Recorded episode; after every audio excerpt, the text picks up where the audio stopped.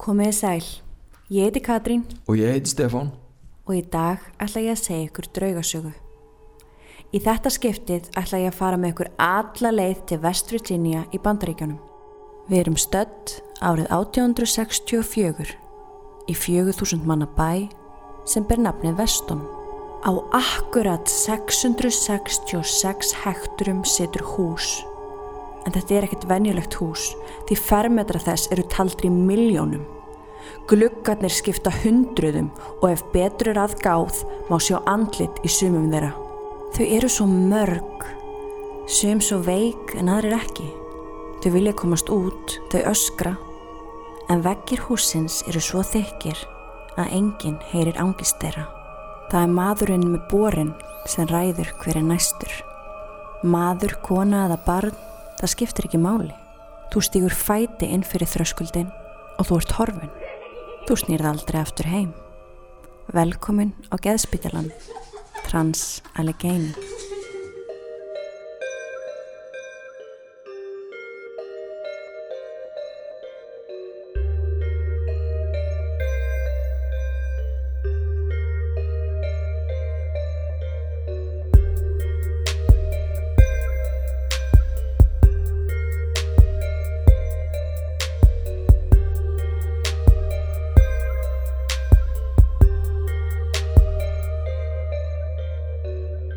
Þessi risastóra bygging var hugarfóstur læknis að nafni Thomas Story. Hann var með stóra drauma og reyndar hann sér fallega drauma þegar koma þessi húsi því hann vildi rauninni breyta því hvernig fólk horfi á geðsjúkdóma. Við vitum að á þessum tíma í kringum 1859 voru geðsjúkdómar mikil skömm því þeir voru taldir ólæknanleir og ef að einhver í fjölskyldinu var talin geðveikur var því haldið leindu. Geðsjúkdómar voru meðhöndlaðir á dimmum stöðum og oftast með valdi. Þessu vildi Tómas breyta. Hann vildi byggja spítala með allt öðrum áherslum. Hann sá fyrir sér langa ganga með stórum gluggum og viftum sem hliftin fersku lofti. Hann lagði mikla áherslu á mikilvægi þess að sjúklingar fengju gott sólarljós og ferst loft daglega. Hann vildi að sjúklingar fengju að ráfa um gangana og á milli hæða eins mikið og hægt var svo að skinnfæri þeirra væri örfuð reglulega. Það að sjúklingar fyndu fyrir frelsi þótt honum afar mikilvægt. Hann vildi stóran matsal með stórum gluggum sem snýruð að fallegum trjám og hæðum. Allar hurðar á herbyggjónum átt að vera staðsettar þannig að þegar þær væru opnaðar á mornana skini sól í gegnum þær. Hann Tómas trúði þeirri kenningu að ef að sjúklingum liði eins og þeir væru frjálsir og hefðu stjórn á sínu lífi þá myndu þeir hegða sér betur. Þess vegna mátti engin gluggi sína risastóru girðinguna sem var umkring húsið, lokuð og læst. Spítalinn opnaði svo með pomp og prakt árið 1864. Húsið var því glæsilegasta. Það gætt hýst 250 sjúklinga og allir þessi sjúklingar fengu sitt eigið herbyggi sem var rúmgott með stórum gluggum. Umhverfið í kring var stórkostlegt. Plani var líka að spítalinn gæti algjörlega séð um sig sjálfur. Það var matjúrstagarður, mjölkurbú, vassbrunur og svo að sjálfsögja kirkjugarður. Þetta var í rauninni algjör bylting. Geðspítalar höfðu aldrei verið hannaðar á þennan hátt. Þannig að þetta var nýtt og kærkomið fyrir þá sem þurfti á þessari þjónustu að halda eða áttu ástvinni sem voru að glíma við andli vandamál. Í byrjun eins og ég sagði áðan voru 250 sjúklingar skráðir inn á geðspítalan og sagan segir að þeim hafi liðið vel fyrst um sinn. Stofnunum var stór og björt, allir með sitt herbyggi. Sjúklingar gátti farið á alls konar listnámskeið og maturum var feskur og góður. Eitt sjúklingurinn hafði skrifað niður í bók sem síðar fannst. Ég man eftir þakkagjörðarháttíðinni, hún var æðisleg. Við fengum góða kalkuna og jólin voru líka ændisleg. Andrumsloftið er líkast ævindiri skilur hvað ég meina, svona eins og, eins og himnaríki. Ég er ekki á geðspítala, ég er í himnaríki. Þetta himnaríki breytist í helviti fljóðlega eftir að þetta var skrifað. Árið 1881 Þá 17 árum eftir opnun spítalans var búið að leggja inn samtals 750 manns Það er 500 manns of mikið af því að spítalinn var hannaður fyrir max 250 sjúklinga. Þannig að við erum að tala um þrisvarsinnum fleiri sem eru laðir hann inn Já. Vá En býtu, býtu, býtu, af hverju samt? Hvernig gerist það? Þú veist, hvað verður til þess að þetta verður svona overcrowded á svona stuttum tíma? Sko á þessum tíma á milli 1864 og 1881 kom bylting í geðlækningum og læknar fór að greina mann og annan með alls konar geðraskanir. Ok, það verður þarna smá vakning Já. Ef þú varst alkoholisti, þá varstu lagður inn. Ef þú varst með berkla, varstu lagður inn. Ef að móðir barns var í ástarsorg, var hún lagð inn ásamt barninu. Ef kona var á breytingaskeiðinu, ef barn var óþægt, eða ef einstaklingur var með asma, þá voru þau öll lagð inn. Hver sem er, gatt skuttlað hverjum sem er á spítalan, lagt viðkomandi inn og fengi greitt fyrir það. Árið 1950 voru 2600 manns í innlögn og þannig var það starfandi til 1992. Eftir því sem fleiri og fleiri voru lagðir inn byrjaði starfsfólk spítalans að taka upp á óhugulegum aðgerðum til þess að reyna að hafa stjórn á ástandinu. Engaherbyggi sjúklinga voru úr sögunni. Rúmum var aðað hlið við hlið allstaðar þar sem við komust fyrir. Það var tekið upp á því að láta fólk sofa í hollum. Sem sagt, rúmum var skipt niður á milli sjúklinga og hver og einn fekk afnót af rúmi í 8 klukkustundir og síðan tók næsti við. En rúmin voru svo fá að margir komist aldrei að. Við verðum að muna að þarna inni var virkilega veikt fólk innan um heilbrygt fólk og börn. Hættulegasta fólki var geimt í litlum búrum þar sem það var látið liggja í sínum eigin sóðaskap því það komst ekkert á klósett. Þeir allra hættulegustu voru að meiri hluta karlmenn.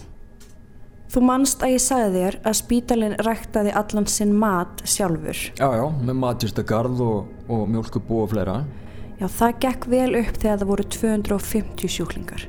Nú er svo tala komin upp í 2600 manns þannig að fólk fjekk ekki einu svona borða. Margir dóur næringaskorti og fólk sem var veikt fyrir var ennþá veikara að fá enga næringu. Spítalinn var svo undirmannaður af starfsfólki að það misti alla stjórn. Fólk hljópum ganga, mörg hundru manns frömdu sjálfsmorð, aðrir voru myrtir, ekki bara sjúklingar, heldur starfsfólk líka. Sjúklingar réðust á starfsfólk og öfugt. Það eru til sögur um hjúkurunakonur sem voru svo nagaðar af samvinskupiti yfir því hvernig komið var fram með sjúklinga að þær sjálfar frömdu sjálfsmorð. Í gegnum öll þessi ár var læknir starfandi á Trans-Allegheny spítalunum að nafni Walter Freeman. Hann lék þarna lausum hala og prófaði alls konar fráleitar aðgerðir á sjúklingum án eftirlits.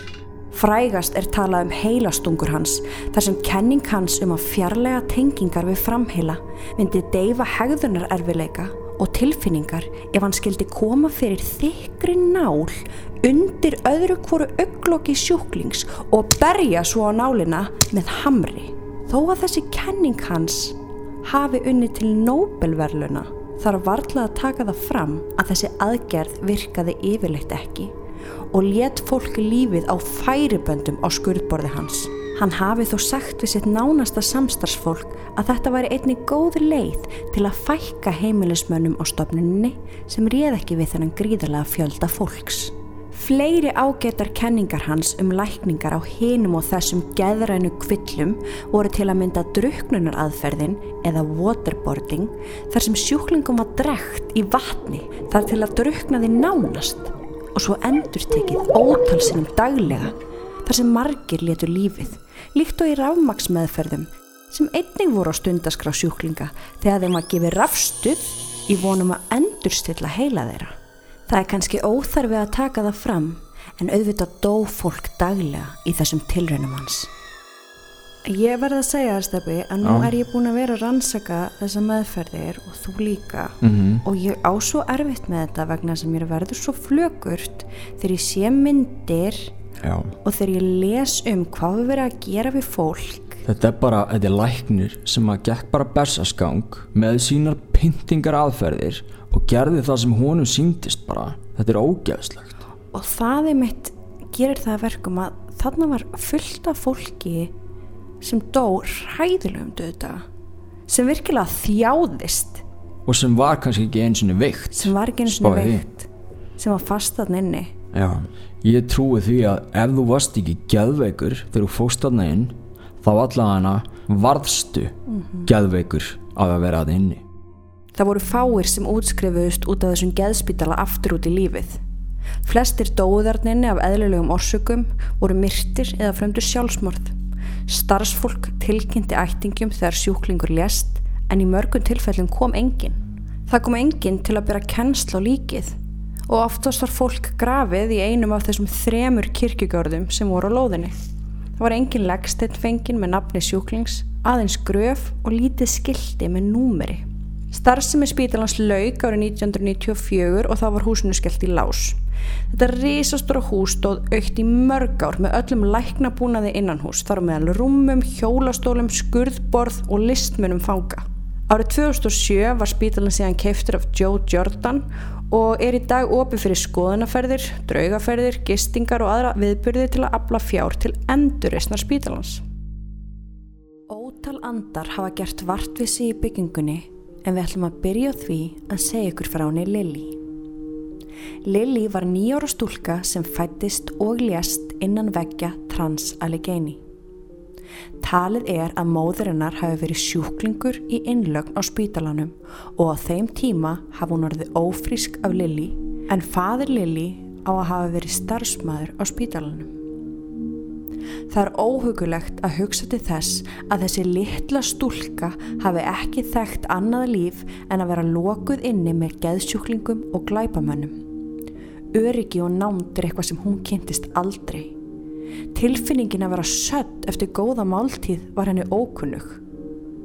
Það er talið að Lilli hafi látist nýjara gömul af völdum lúnabólgu. Herbyggið hennar var á fjörðuhæðinni. Þó að það sé ekki til neinar haldbærar sannanum fyrir því að þessi litla stúlka hafi verið til, engar sjúkraskrári eða myndir, er hún þó svo fyrsta til að gera vart við sig þegar spítalinn var keiftur árið 2007. Fyrsta árið sem eigendur spítalans ákveður Jordan fjölskyldan að halda Halloween túr á litlu afmörkuðu svæði á fjórðuhæð húsins. Þau fengu fjóra-fimm leikara til þess að búa til stemmingu og tóku svo á móti fólki í hópum. Einn leikarin hafði það hlutverk að standa fyrir utan herbyggi Liljar og vísa fólki í veginn niður gang sem var þar hliðin á. Á meðan hann beigð eftir næsta hóp heyrir hann rödd koma innan úr herbygginu sem átt að vera tómt. Hann lítur inn og sér þar litla stelpu í hvítum kjól. Honum bræður og sér strax að það er ekki alltaf lægi með stúlkuna. Hann lýsir því þannig að það hafi verið eitthvað off við hana. Stúlkan starir á hann og spyr hann svo. Have you seen my mommy? Leikarinn verður hrættur og segir við stúlkuna að hann ætla að ná í hjálp. Hann lokar hurðinni, einu hurðinni, að herbyrginu hennar og læsir. Því næst hleypur hann til félaga síns og segir honum hverju hann varð vitni að. Þeir ganga báðir saman tilbaka að herbyrgi Liljar og opna varlega. Herbyrgið er tómt. Þeir leita allstaðar en fundu stúlkuna hvergi. Hún var horfin. Í gegnum árin hefur Lilli gert vart við sig með alls konar hætti. Fólk hefur séðana í þessu herbergi í hvítum kjól eins og leikarin listi. Hún hefur svarað spurningum á EVP-tækjum og í spiritboxum og hlær oft svo hátt að manns eirað heyrir án nokkur spúnaðar. Uh, nú veit ég að Steppi er búin að finna EVP upptöku uh, þar sem við heyrum Lilli tala og þetta er stutt en ef þið hlusti vel þá heyrið hann að segja Come in Ok, ég veit þetta er stutt, en ég ætla að lefa ykkur að heyra þetta aftur. gæsa húð af því mér finnst þetta að vera mjög skýrt Klárlega. Hún er bara að bjóða fólk hann að velkomi, bara komið inn í herbyggið mitt. Og hún er vist vinalegust af þessum öllum hana. Já, En munum að þó þetta sé kalla herbyggi að Lili, það átti enginn sér herbyggi. Nei, Það voru hundruður manns í einu herbyggi rétt. Og það er EVP upptaka sem þú leiði mér að hlusta á sem að sannar það að það er ekki engungu lítil stúlka þarninni heldur líka einhver maður. Og næsta EVP sem við ætlum að leiða ykkur að heyra um, ef þið hlustir rosalega vel það er eitthvað fólk að tala en síðan heyriði rödd sem segir get out.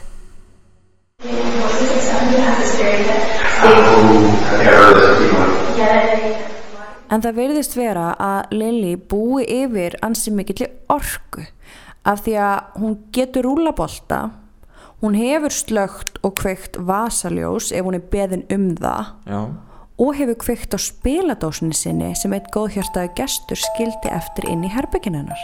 ég ætla að mynda að leiða ykkur að sjá eða þér, Já. en þið getið náttúrulega séð það inn á draugasögu.com Fyrsta sem ég ætla að sína ykkur er Lily að rúla bolta. Þetta er mjög stutt vídeo, þetta er held tvær mínútur. Boltinn hreyfist ekkit mikið en hann hreyfist þó eitthvað Mér finnst þetta alveg pínu ógulegt. Ok, þau eru þarna inn í þessu herbyggi, þetta er risastórt herbyggi og þau eru langt í burtu frá boltanum. Boltinn stendur einhvern veginn upp við vegg, samt ekki alveg upp við vegg. Hann reyfist ekkert rosalega mikið, en hann byrja síðan að rúla í svona litla ringi. En þetta er líka það sem hún er svolítið þekkt fyrir Það er að rúla boltum rétt, þetta, þetta er ekkert að gerast í fyrsta skipti, sko. Nefnilega ekki Það er rétt, það eru til fleiri vídeo. Það næsta sem ég langar að sína þér Já. og ykkur er maður sem að byður hann um að kveikja og slökkva á vasaljósi. Ok, hann telur hann niður hann gefur henni tíu sekundur til þess að kveikja á því og svo tíu sekundur til þess að slökkva á því. Og Lily gerir einmitt það. Ok, ég var að horfa á þetta vídeo, ég var að klára það bara núna. Þetta er óugulegt. Mér finnst alltaf óugulegt og mér finnst það alltaf gefa mér svolítið sönnun þegar að andar gera það sem þú byður það um að gera. já, það staðfestir Það staðfestir það svo mikið og þannig er hann að gefa henni tíu sekundur til þess að slökkva og kveikja á vasaljósi sem þau halda ekki á. Nei, það situr upp í glugga sillu Það situr á gluggasillu, það er enginn að koma nálægt í. nei, Þetta er ótrúlegt vídeo. þetta er ótrúlegt og sanna rosalega tilvist hennar Lily Manstu þegar ég sagði þér frá því að veikustu sjúklingarnir sem var erfitt að hafa stjórn á voru lokaðir inn í búri. já, alveg rétt Á endanum var meiri hluti þeirra færður upp í herbergi á þriðjuhæðinni. Þar voru þeir læstir inni með stálhurð, margir saman. Þar innilokaður var maður að nafni Dín. Dín var með þroska á við líti barn.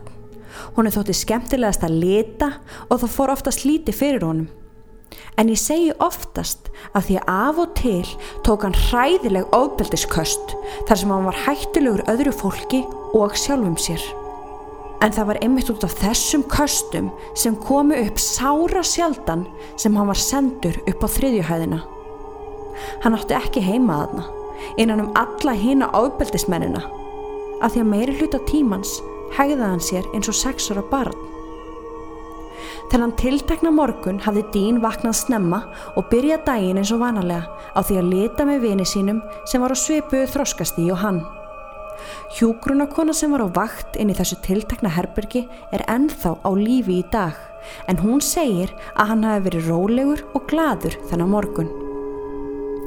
Þar sem spítalinn var svo undir mannaður var ómögulegt að fylgjast með öllum herbergjum allan daginn. Þannig að upp úr hádegi bregður þessi tiltekna hjúgrunarkona sér út úr herbygginu til þess að sinna öðrum verkum.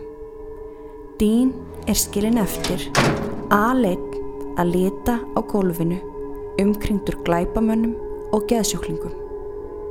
Ef að hjúgrunarkonan hefði vitað hvað koma skildi, hefði hún aldrei yfirgefið herbergið. Við langar til að vara fólk við lýsingum sem eru hér framöndan. Tveir aðilar nálgast Dín þar sem hann situr einn sönglandi á gólfinu að lita eplatré. Þeir rífa hann upp og á næstu 15 sekundum binda þeir lag utanum hálsin á honum og reyna að hýfa hann til lofts. Dín grætur og öskrar eins og lítið barn, hann sparkar og spriklar svo mikið að í hvert skiptið sem hann er hefin upp, dettur hann aftur mér í golf. Þeir reyna þetta þrísva sinnum en alltaf nær Dín að losa sig úr snörunni. Í seinasta skipti sem hann dettur á gólfið draga þeir hann eftir gólfinu og setja höfuð hans undir rúmfót og hoppa á rúminu aftur og aftur þar til rúmfóturinn snerti gólfið í gegnum höfuð hans. Hann dó kvalarfullum döðdaga inn í herbergi á þriðjuhæðinni sem er núna kallað Bedpost Murder Room. Því er haldið fram að Dín ráfi um herbyggið þar sem hann var myrstur hrættur eins og barn sem þorir ekki að láta taka eftir sér. Þetta eru einungist tvær sögur af hundruðum. Það er talað um að margir sem stegu fæti inn í Transallegheni hafi horfið, bæði sjúklingar og starfsfólk. Hjúgrunafræðingur sem eitt sinn kvarf við vinnu sín á spítalunum fannst tvei mánuðum síðar í kjallara húsins. Hún hafi verið myrt Af sjúklingum spítalans var það ekki Jú. Alveg rétt Það er líka talið að Elisabeth sem var hjúgrunarkona á spítalunum hafi hengt sig á þriðjuhæðinni og ráfi nú um gangana svoleiðis sárþjáð af samviskubiti vegna þeirra hörmulegu meðferðar sem sjúklingar móttu þóla. Hún sé först innan veggja spítalans að eigin vilja því henni finnst hún ekki eiga skilið að fá að kvíla í friði en þessir andar eiga sér allir einhverja útskýringu. Þessir andar voru eitt sinn fólk. Nema veran í kjallaranum sem fólk kallar The Creeper.